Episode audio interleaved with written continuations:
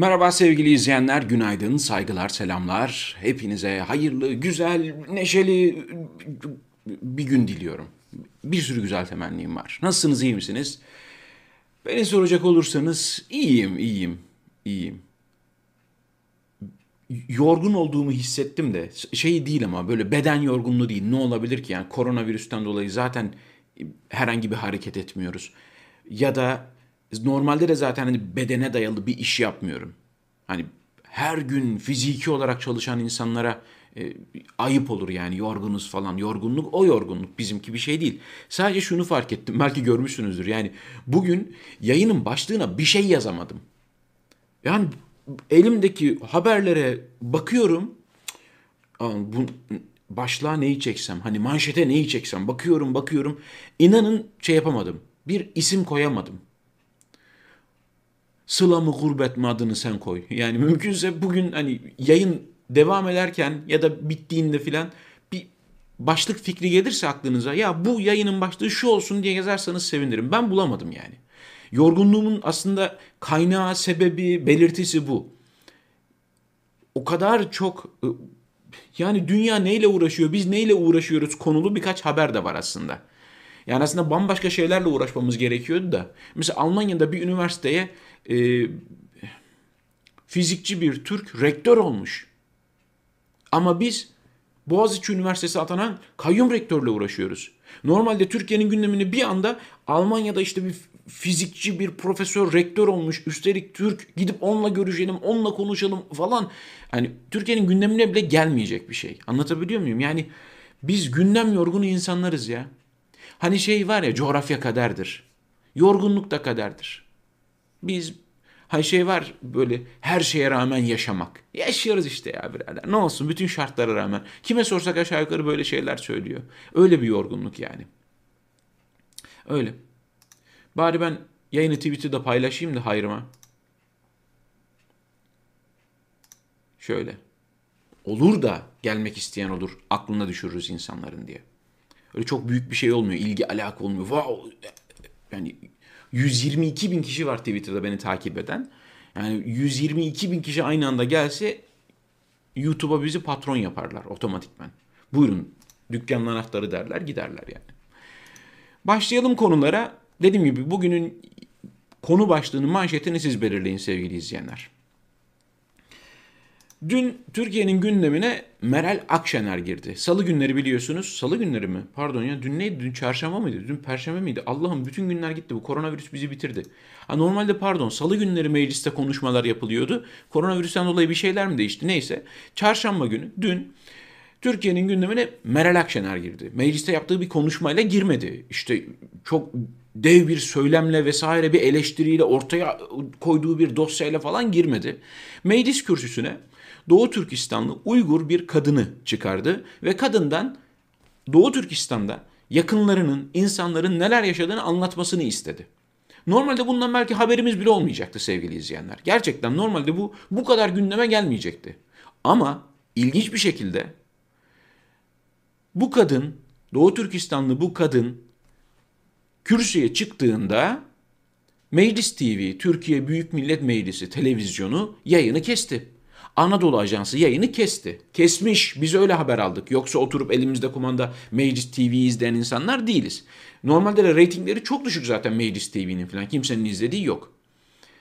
Bir anda gündeme geldi. Ben de oradan gördüm. Bakın burada işte Uygur Haber portalının paylaştığı bilgiyle gördüm.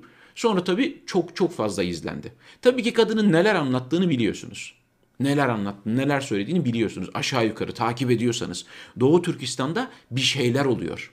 Türkiye'deki bütün karartma çalışmalarına rağmen, bütün üstünü kapatma çalış yokmuş gibi davranılmasına rağmen Doğu Türkistan'da bir şeyler olduğunu bilebilecek kadar, öğrenebilecek kadar elimizde teknik imkan var. Ve Türkiye Cumhuriyeti'ni şu anda yöneten iktidar orada hiçbir şey olmadığını düşünüyor. Oradan gelen haberlerin tamamının yalan olduğunu düşünüyor Doğu Türkistan'da kamplara toplanan milyonlarca insanın terörist olduğunu, Çin devletinin de bu teröristlerle mücadele ettiğini düşünüyor. Sonra işte gördüğünüz bu olay oldu. Ben Neden fotoğrafı değiştiremedim bu arada? Evet şimdi değiştirdim. İşte Doğu Türkistanlı kadın Melis TV'ye çıkınca, kürsüye çıkınca Melis TV yayını kesti. Bir anda bu haber oldu, bu gündem oldu. Yine de teşekkür ederiz. Böyle bir şey yapmasalar, bu sansürü uygulamasalar belki bu kadar ses getirmeyecekti. Hem de şu anki iktidarın fıtratını, tıynetini, içinde ne olduğunu, dertlerinin ne olduğunu gayet net göstermesi açısından da önemli bir olaydı bu. Tabii ki Meral Akşener'e teşekkür ediyoruz. Böyle bir iş yaptığı için, böyle bir hamle yaptığı için. Bu çok değerli bir hamle. Umarız Meral Akşener ilerleyen günlerde hani Türkiye'de de zulüm gören birileri vardır, olabilir. Yani Doğu Türkistan'daki zulme susan iktidar Türkiye'de de birilerine zulmediyor olabilir. Böyle bir iktidar bunu da yapabilir çünkü. Değil mi? Zulüm uzakta ya da yakında olsun fark etmez. Bir zulme göz yumuyorsa, destek veriyorsa birileri bilin ki onlar da birilerine zulmediyor olabilir. Hani Meral Akşener bir bunu araştırsın.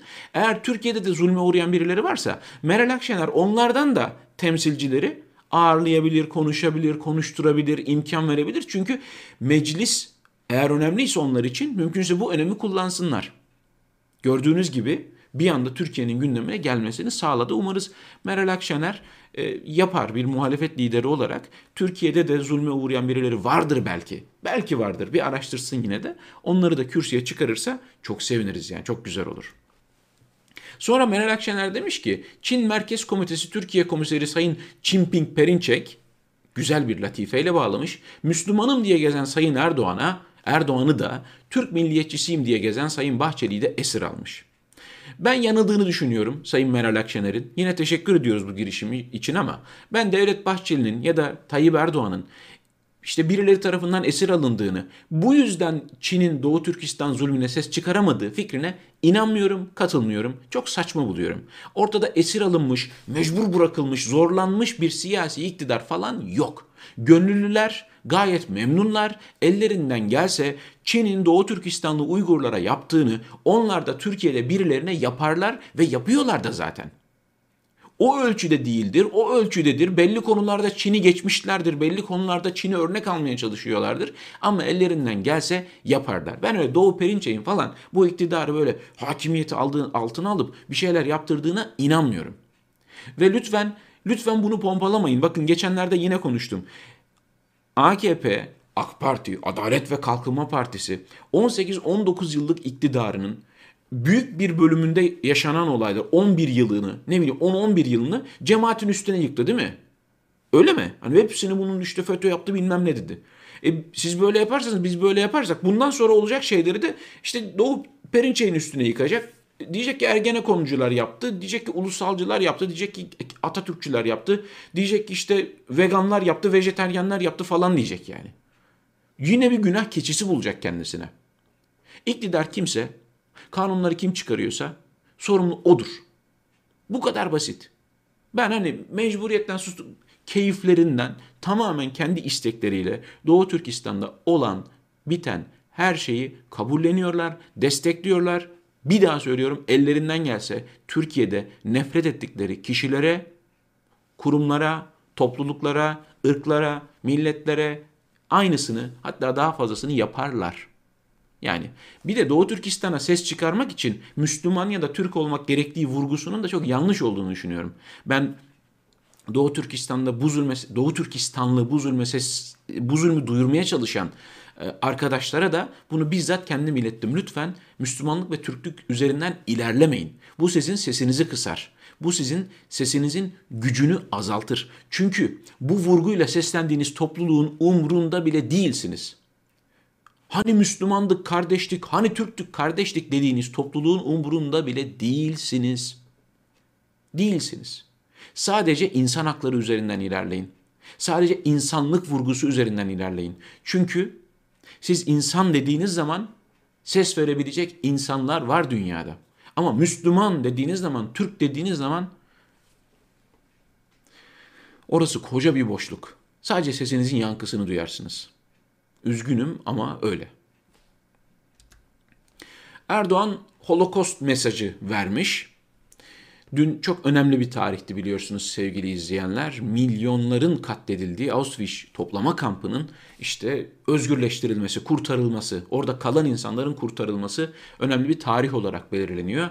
Erdoğan demiş ki salgınla beraber ırkçılık virüsü de giderek yaygınlaşıyor. Ne güzel değil mi? Ne geçmişte olmuş bak.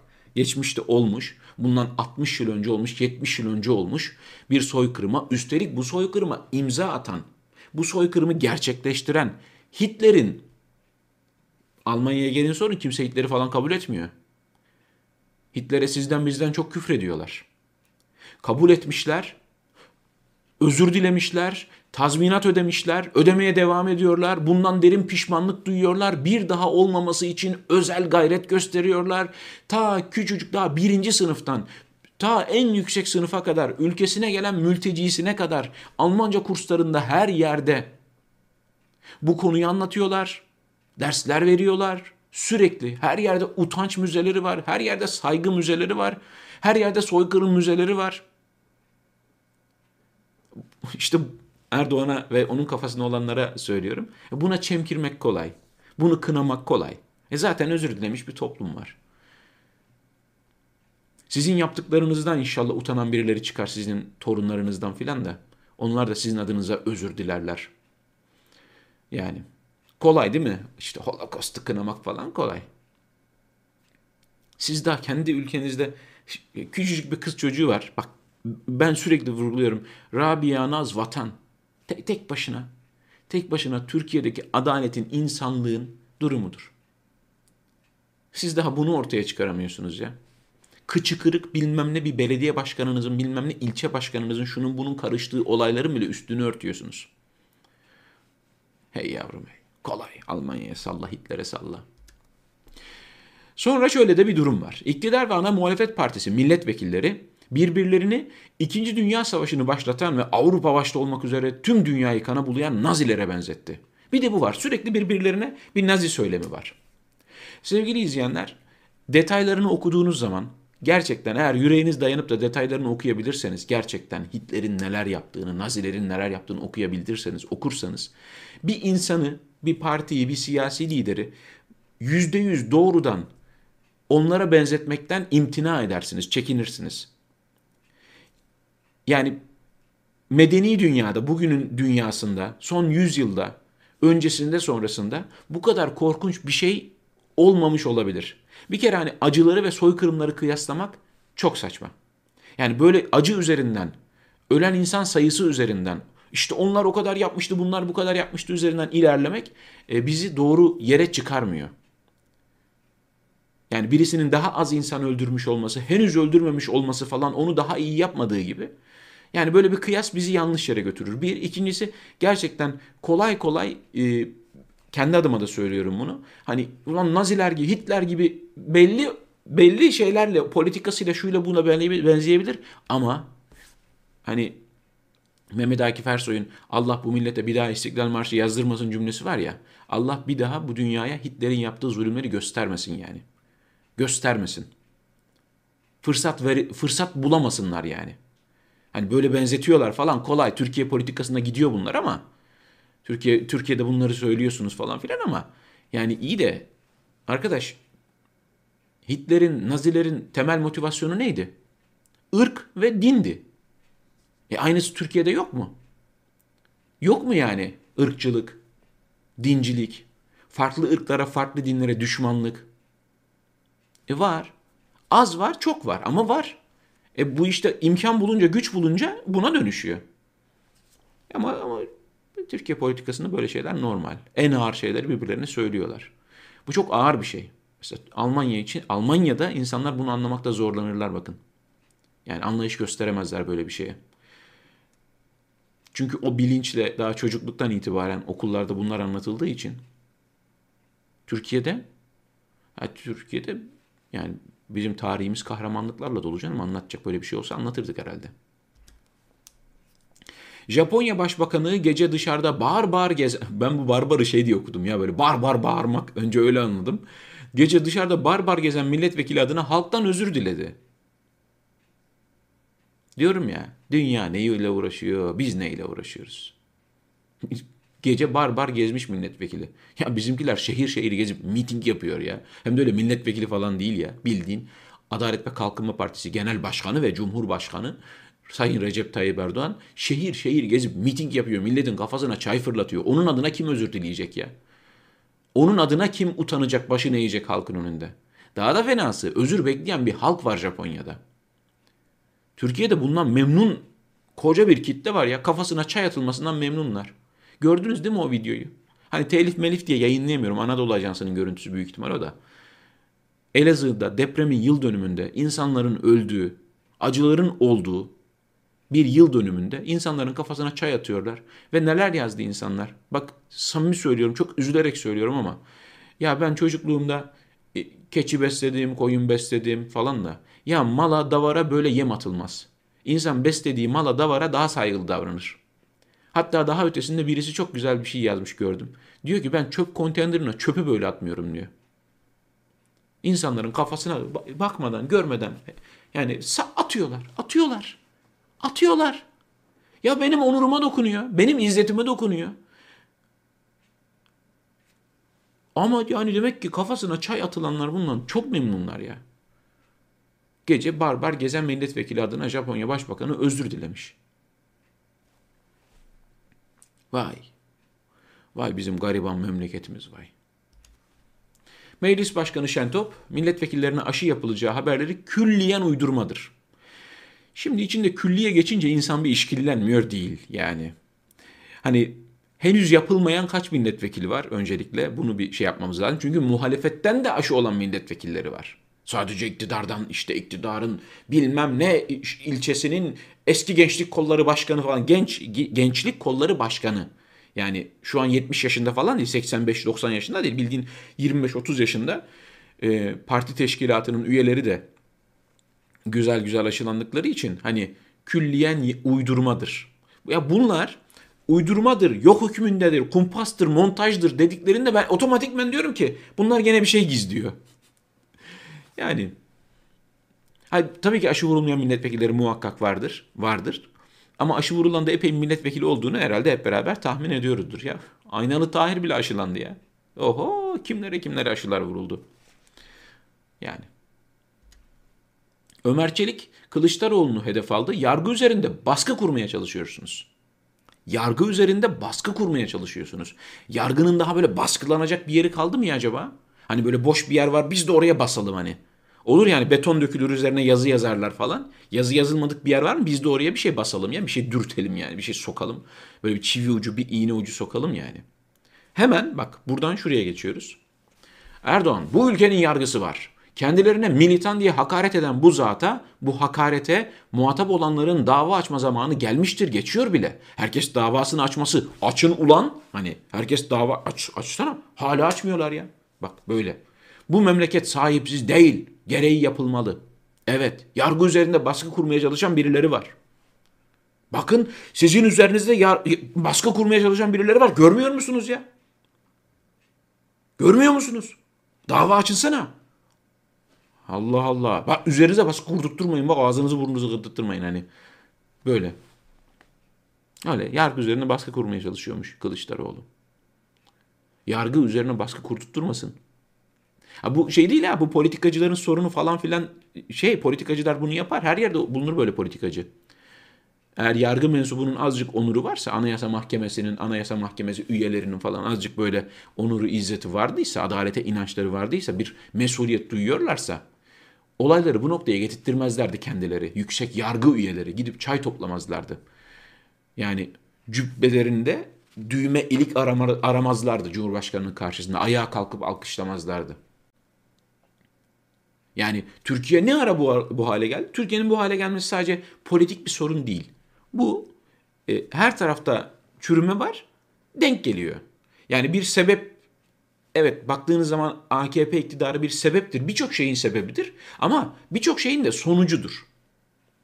Biz bir sürü sorunun ortaya çıkardığı bir sonucun ortaya çıkardığı sorunlarla mücadele etmeye çalışan insanlarız. Yani tek başına öyle bir şey yok yani. Ya düşünün sürekli anlatıyorum. Anayasa Mahkemesi'nin bir üyesi Alparslan Altan 4 yıldır hücrede tutuluyor sevgili izleyenler. Ve Avrupa İnsan Hakları Mahkemesi derhal serbest bırakılmalı diye bir karar verdi. Bu yüksek yargıç hakkında ve hala serbest bırakılmadı. Anayasa Mahkemesi'nin üyeleri bununla korkutuluyorlar. Hani normalde şey diyorsun Anayasa Mahkemesi kendi arkadaşları neden? Mesai arkadaşları ya. Bak bu adam suçsuzmuş. Lan bıraktınız sana. Ona sahip çıkmazsanız başınıza bunlar gelir mi acaba çıkaracağımız sonuç? Yoksa işte onunla tehdit mi ediyorlar? Aynı akıbeti siz de yaşamak istemiyorsanız mı? Yani diyorum ya öyle birileri tarafından esir alınmış falan filan hani işte Erdoğan işte birileri esir alınmış Ahmet Davutoğlu böyle konuşuyor falan ya bazen. Ben yargı o yüksek yargıçların falan da elleri mahkum mecbur kusura bakmayın. Kusura bakmayın yani. Ya harakir falan yapmayın tamam ama istifa etmek de bir onur ya. Vazgeçebilmek de bir onur ya. Gidip şerefinle, onurunla pazarda domates satmak da bir şeref, bir onur, bir büyüklük, bir kahramanlık.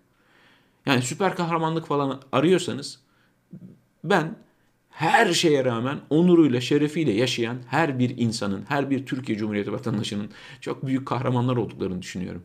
Bu kadar kirin içinde, bu kadar pisliğin içinde temiz kalabilmek öyle kolay değil yani. Azerbaycan'da Şuşa yolunu koloni inşaat yapacak.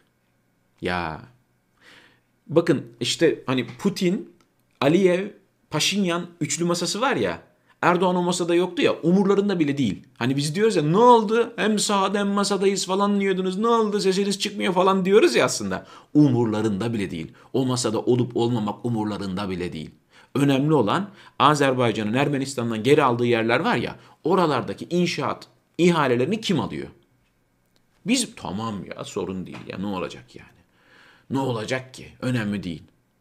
Bakın Hani Çin'den aldıkları kredi var. Sürekli oradan ciddi bir kaynak geliyor. Ondan sonra aşı meselesi var. Aralarında nasıl bir ticari sır var bilmiyoruz da. Hani Uygurlara ses çıkar. Ben gördüm mesela şey yazıyorlar işte Mısır'la Esma'ya ağlıyordunuz falan. Ya Sisi çıkarsın 5 milyar dolar kredi versin Sisi ile de barışırlar. Öyle çok şey yapmayın yani. Gerçekten bak. Yani öyle öyle çok öyle zorlamayın şartları. Böyle çok hani uluslararası ilişkiler, politika, politika değerlendirmeler, akademik bir test yapalım, sonra bakalım sonucuna falan öyle değil yani. Geçin onları. Her şey paraya bakar. İşte böyle yani. Oraya inşaat yapacaklar ya tamam gerisi önemli değil. Masada kim oturursa otursun. Amerika'nın iklim değişikliği özel temsilcisi John Kerry, İskoçya'daki iklim değişikliği zirvesi dünyanın son şansı demiş. Neyse ki Türkiye dünyada değil. O yüzden böyle şeyleri çok önemsemiyor. Kuraklıkmış, çevre kirliliğiymiş, küresel ısınmaymış, doğanın son işte dünyanın son şansıymış falan bunlar bizi çok ilgilendirmiyor. Aslında çok ilgilendiriyor da bir türlü buna sıra gelmiyor işte. Yani en başta söylediğim şey vardı ya bu aslında. Kendi gündemimizin yorgunuyuz ya. Uğraşacağımız çok daha önemli, çok daha değerli şeyler var. Ama hani şey var ya böyle hani ya arkadaş ben bir nefes almayı başarayım. Ondan sonra işte imajımla ilgili yani nefes almakla mücadele ettiğimiz için nefes alma mücadelesi ver, verince bunlara sıra bile gelmiyor. Yani gerçekten Türkiye'de bütün dünyada çok büyük bir problem bu. Susuzluk, kuraklık, küresel ısınma, iklim değişiyor. İklim değişiyor sevgili izleyenler yani bunu e, hissediyorum, hissediyorsunuz. Artık insanın bile hissedebileceği kadar belirgin bir iklim değişikliği var. Ama bizim gündemimizde böyle bir şey yok yani. Yok. Düşünün hani yani dünya ne konuşuyor biz ne konuşuyoruz işte Norveç 2025'te sallıyorum bu tarihi bu arada tamamen elektrikli arabaya geçmeyi planlıyor mesela ve bunu da bayağı bir mesafe kat etmişler tamamen elektrikli arabaya geçeceğiz diye. İşte e, Almanya otoyollarının üzerini güneş panelleriyle kaplamayı düşünüyor. Otoyolların üzerine güneş panelleri tamamen bütün yolların üzerine böyle güneş panelleri yapıp güneş enerjisiyle işte enerji ihtiyacını karşı ki Almanya'da güneş mi var? Almanya'da güneş mi var arkadaşlar? Ben güneşi görsem oho bütün Almanya sokağa dökülüyor azıcık güneş görse. Hava sıfır derece oluyor azıcık güneş oluyor bütün Almanya sokakta. Güneş olmayan Almanya güneş enerjisinden tamam mı elektrik üretmeye falan çalışıyor. Rüzgar enerjisi bilmem ne geri dönüştürebilir enerji işte petrol bilmem ne bunu karbondioksit bilmem bunları azaltmalıyız falan derdinde. Türkiye Artık Volkswagen Passat makam aracısı kullanmayacağız. Bundan sonra Renault makam arabası kullanacağız. Biz bunu konuşuyoruz. Biz bunu konuşuyoruz. Kuruyan göller var. Irmaklarda, derelerde habire balıklar telef oluyor, ölüyor. Yani böyle bir şey bizim gündemimizde yok. Olabileceğini de zannetmiyorum bu gidişle. Uluslararası Şeffaflık Örgütü 2020 yolsuzluk algı endeksini açıklamış. Dünyanın en yolsuz ülkeleri Somali ve Güney Sudan'mış. Danimarka ve Yeni Zelanda birinci sıradaymış dürüstlük konusunda. Ee, Türkiye 86. sıradaymış. En yolsuz ülkeler sıralaması Türkiye 86.lığı elde etmiş. Yine iyi, güzel ya, güzel. Şimdi burada Yeni Zelanda 3 puan kaybeder. Danimarka'da berabere kalırsa biz de Güney Sudan'ı 8-0 yenersek buradan üst tura çıkabiliriz belki. Ne yazık ki. Dünyanın üçte ikisinde yolsuzluk hakimmiş bu arada sevgili izleyenler. Yani dünyanın üçte ikisinde yolsuzluk hakimmiş. Normal bir şekilde yolsuzluk yapılıyor, rüşvet veriliyor. İhaleler, yandaşlara, şunlara bunlara dünyanın üçte ikisinde böyle. Hani insanın içinde o mikrop var, insanın içinde o virüs var, yaşamaya devam ediyor. Fırsatını bulursa, fırsatını bulursa yapıyor. Fırsatını bulamaması lazım. Dün bir klip yayınladık, yayınladın, yayınlandı. Ben de içindeydim sevgili izleyenler. Dün Yüksel direnişçilerinin davası vardı. Sadece Acun Karadağ serbest bırakıldı. Diğerleri ne yazık ki tutuklu yargılanmaya devam edecekler. Bu insanlar sadece KHK ile mesleklerinden ihraç edilen öğretmenler, memurlar, mimarlar, işte çalışanlar, KYK ile mesleklerinden ihraç edilmiş insanlar sadece işlerine geri dönmek istiyorlar. Sokağa çıkıp eylem yapıyorlar ve bugüne kadar eylemlerinin hiçbirisinde patlayıcı madde bulundurmadılar, kimseye saldırmadılar. Yani barışçıl protesto herkesin hakkıdır. Bir insan hakkından, bir hukuki haktan bahsediyoruz. Bu haklarını kullanmak istedikleri için ne yazık ki hem çok dayak yediler, çok işkenceye maruz kaldılar, tacize maruz kaldılar. Şimdi de cezaevindeler. E, dün bu klip yayınlandıktan kısa bir süre sonra Acun Karadağ'ın serbest kaldığını öğrendik. Çok şükür ama diğerleri hala cezaevindeler. Ve bu kimsenin umurunda değil. Türkiye'de çok az insanın umurunda bu. Gerçekten çok az insan bunu biliyor. Aa böyle bir şey mi varmış falan. Var. Çok daha fazlası var. Her taraftan, her mahalleden, her kesimden insan adaletsizliğe maruz kalıyor. Ya duymak için ve duyurmak için biraz gayret göstermek lazım galiba. Ha merak ederseniz klibi e, benim kanalın topluluk sekmesinde bu klibi paylaştım ben. Oradan hani linkini görüp bir izleyeyim derseniz, izlerseniz belki birazcık daha hani çok sevmiyorum o kelimeyi de farkındalık oluşabilir yani. Öyle aklıma geldi. Bunu da sizle paylaşayım dedim sevgili izleyenler. Ve yayının sonuna gelmeyi başardım. Peki sizce en başta söylediğim gibi bugünkü yayının başlığı sizce ne olabilir? Burada yazılan çok fazla yorum var. Oo, yani bu kadar yorum içinden ben yayının başlığı ne olsun sorusuna verilmiş bir cevap mesela Malatya'dan selamlar. Bu olmaz. Yürüyüş değil. Günaydın bu da olmaz. Ondan sonra hem hocam neredesin? Bak bu olabilir. ya şeye bayılıyorum. Hani e, Kürtler birbirlerine böyle isimlerini hep böyle kısaltarak yuvarlayarak söyler. Ahmo hani şey hani Veli ismini bile Ali'yi bile Ali ya bunun neresini alo ya bazı isimleri de öyle bırakın. Ahmo oluyor da yani. Ham hocam. ya. Ha bu arada hepsi günaydın mesajlarıymış benim baktıklarım yani yayının başlığı ne olsun sorusuna. Bu arada bizim şey e, bu sohbeti düzenleyen robot e, bazen abartıyor galiba onu bir düzelteceğim. E, çevresi kötü kendi iyi diye bir şey yok. Aynen katılıyorum. Bari bir iki dakika yorumlara bakayım sevgili izleyenler. E, Hollanda'dan hayırlı sabahlar. Bak bu ne dediğini bilmiyor. Aa bu güzel bak ne dediğini ağzından çıkanı kulağı duymuyor. Ne dediğini bilmiyor. Tanımasak şizofren diyeceğiz. Benden mi bahsediyorsunuz ya? Ee, evet. Allah bu millete basiret, feraset versin. Vermiş de kullanmıyor. Var herkeste. Herkeste var o bu arada. Herkeste var o basiret, feraset, irade, akıl, mantık, beyin. Hani herhangi bir problem yoksa tıbben e, onaylanmış bir problem söz konusu değilse herkeste var o. Ama kullanmıyor.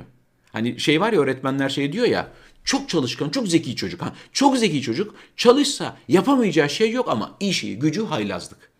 Siz bunu her insan için kullanabilirsiniz. Yani çok vicdanlı bir insan ama kullanmıyor. Var normalde. Olmaz olur mu? Basiret, feraset var bunlar. Var. Kullanmayı öğrenmek lazım, geliştirmek lazım, test etmek lazım. Yani yoksa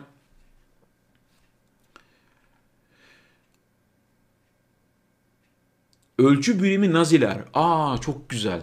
Hakikaten bu, bu şey ya bu bir yazı başlığı olmuş. Gökhan Ulusoy çok teşekkür ederim. Çok iyi bir fikir ya. Bu bir yazı başlığı aslında. Böyle bayağı hani bir derginin kapağında şey olabilir ya. Böyle hani kapak konusu olabilir. Mesela Nazilerin yaptıklarıyla dünyada başka başka hani sadece Türkiye üzerinden ilerlemiyorum. Dünyanın her yerinde yaşananları böyle bir ölçüye koyup böyle bir birim olarak belirlenebilir. Ne kadar yaklaşıyor, ne kadar uzaklaşıyor. Benzerlikler, farklılıklar. Çok güzel. Hangi mekanizmalar baskı kurmaya çalışıyormuş? Öyle diyorlar bilmiyorum yani.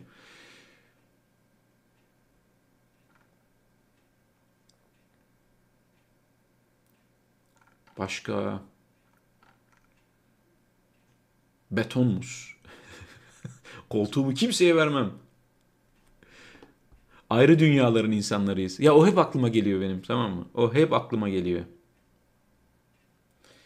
Yolun sonuna mı geldik? Yani bak bunu da konuşmuştuk hatırlıyor musunuz? Mesela 10-100 yıl önce yazılmış bir kitapta da böyle şeyler var. Galiba artık kıyamet kopacak. Mesela şey örneğini ver, vermiştim hatırlıyorsanız. Kerbela katliamı olduktan sonra o dönem yaşayan böyle bu acıya katlanamayan, bu haksızlığa, bu zulme dayanamayan e, o dönemin işte yazarları, alimleri kimler varsa engel olamamış insanlar ama zulmü de taraftar değiller. Şey diyorlar artık kıyamet kopar herhalde. Bundan daha kötü bir şey olamaz. Yani biz de bu hisse kapılıyoruz sık sık. E, her anlamda hem adaletsizlik, hukuksuzluk şu bu anlamda hem de dünyadaki işte bu iklim problemleri, çevre problemleri bilmiyorum yani. Evet Nazi takvimine göre Bay Kemal sırada. Ya evet hani eğer ölçü bu güzel fikir ya. Bunun üzerinden bir başlık bulayım ben. Çok güzel. Berat Albayrak nerede olsun? böyle çok izleniyor öyle yazınca. Berat Albayrak nerede? Dolar 20 lira olacak. Hani böyle başlıklar çok izleniyor. Teşekkür ederim yorumlarınız için. Ee, buradan güzel bir konu başlığı çıkar diye tahmin ediyorum. Yarın Türkiye saatiyle 10'da burada olmaya çalışacağım sevgili izleyenler.